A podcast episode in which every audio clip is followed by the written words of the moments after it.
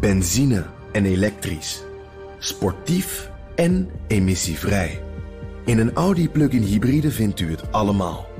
Ervaar de A6, Q5, Q7 en Q8 standaard met quattro vierwielaandrijving.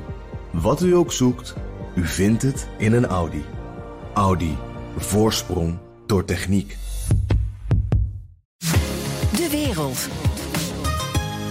EU-landen kunnen financieel gestraft worden voor het ondermijnen van Europese waarden. Daarover is een akkoord gesloten. Dus als ze in Polen de rechtsstaat of in Hongarije de persvrijheid ondermijnen, gaat de EU-subsidiekraan dicht. Europa-afslegger Jesse Pinter, hoe streng zijn die afspraken? Kijk, er zijn altijd wel twijfels over. Van ja, um, gaan ze dit ook wel echt doen? Weet je, je kan het middel hebben om landen hard aan te pakken waar rechters onder druk staan, de media onder druk staat, universiteiten, minderheden. Maar uh, wordt het straks ook echt uitgevoerd? Kijk.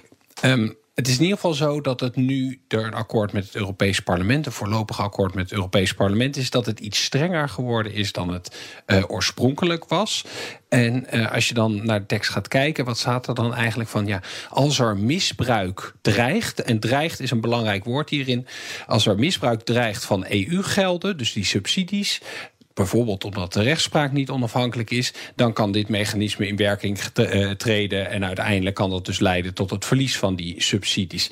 Nou, dat woordje dreigt is volgens mij belangrijk, omdat ze daarmee in ieder geval zeggen van je hoeft niet keihard te bewijzen dat het een met het ander te maken heeft, dat je een rechter onder druk zet, dat dat impact heeft op die landbouwsubsidies die uh, uitgegeven worden. Maar als er dreigt een link te zijn, nou, dan kan je al uh, iets gaan doen.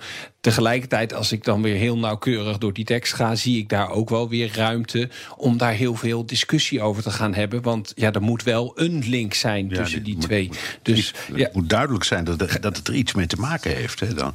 Ja, dus weet je, dus, dat laat altijd natuurlijk. En je kan dat niet helemaal dichttimmeren in zo'n tekst. Dus ja, uh, zoals ze dan zeggen, de, de, de, de proof is in the eating of the pudding, hè? Is het volgens mij? Ja, ja op die op die hele lange, ellenlange EU-top over de begroting was er al toch een soort akkoord. Ja, maar dat was toen wel heel erg uh, vaag. Ook omdat ze eigenlijk Viktor Orban niet al te boos wilden maken, om het simpel te zeggen. Kijk, dit is een heel belangrijk punt voor de Nederlandse regering. Dat die link daar komt. Omdat, en ik zat echt een paar minuten geleden nog te luisteren naar Michael Stibbe. Dat is de Sherpa van premier Rutte. Dat is eigenlijk zijn belangrijkste EU-adviseur. Die echt nou ja, met echt die onderhandelingen ook voert tijdens Europese toppen. Nou, die uh, uh, gaf dat net ook nog eens aan hoe belangrijk dit punt voor Nederland is. Omdat het gewoon, zij zien het echt als een bedreiging voor de EU, als, een, als de rot in het systeem. Nou, de strategie van Rutte was. Uh, in de zomer. Dit is het maximaal haalbare op dit moment. En nou hopen dat het Europees Parlement, die ook zijn zegje moet doen, wat dus nu gebeurd is in de afgelopen weken, want er is stevig over onderhandeld, dat die ervoor gaan zorgen dat het echt heel streng geworden is. Nou, dat is volgens mij tot op zekere hoogte gelukt. Of ook het Nederlands parlement, want die hamer hier ook op, uh, daar gelukkig mee uh, gaat zijn. Dat is misschien een vraag die jij aan je volgende gast moet stellen. Want D66-Kamerlid ja. Sjoerdsma, ja. die ja. heeft zich hier heel druk om gemaakt. Ja, zijn het straks de boeren en bedrijven die EU-subsidies ontvangen die de rekening moeten betalen, Jesse? Ja, dat zou je natuurlijk kunnen denken. En dan is er een, een, een regering in Warschau, om maar zo'n voorbeeld te noemen, bezig om de rechtsstaat uh, uh, toch een kopje kleiner te maken. Dan uh, zegt Europa, je krijgt geen geld meer. Dan zeggen ze, nou ja, ach, dat is dan jammer voor onze boeren. Um, zo simpel gaat het niet werken. Daar heeft het Europees Parlement een stokje voor gestoken. Dat ze de regering in Warschau, die moet dan die subsidies gewoon blijven betalen aan die bedrijven, die MKP-bedrijven, die misschien de subsidie ontvangen. Terwijl de kraan dus in Brussel dicht gaat. En nou ja, mochten ze dat niet doen, dan heeft de Europese Commissie weer wat middelen om te kijken of ze uh, nee, toch ervoor kunnen zorgen dat dat wel gewoon gebeurt. Maar het is wel de bedoeling dat die subsidies gewoon naar de eindbestemming blijven gaan.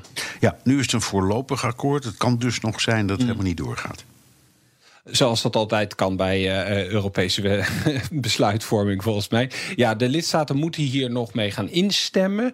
Die hebben geen veto. Dus het kan niet zo zijn dat Polen en Hongarije dan zeggen: nee, dat willen we niet, dit mechanisme.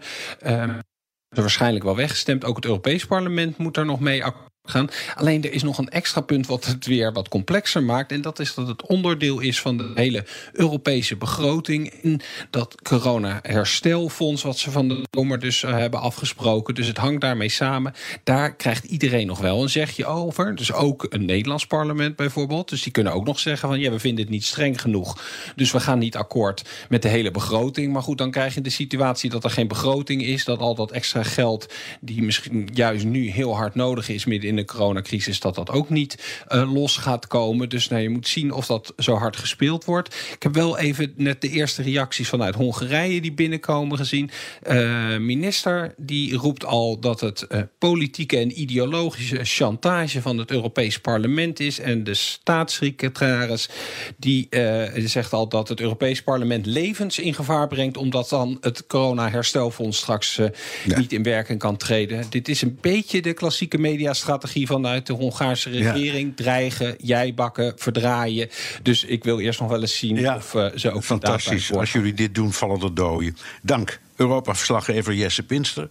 Wil je meer horen over de Europese politiek? Luister dan naar de podcast Europa Mania van BNR en het FD. Benzine en elektrisch. Sportief en emissievrij. In een Audi plug-in hybride vindt u het allemaal.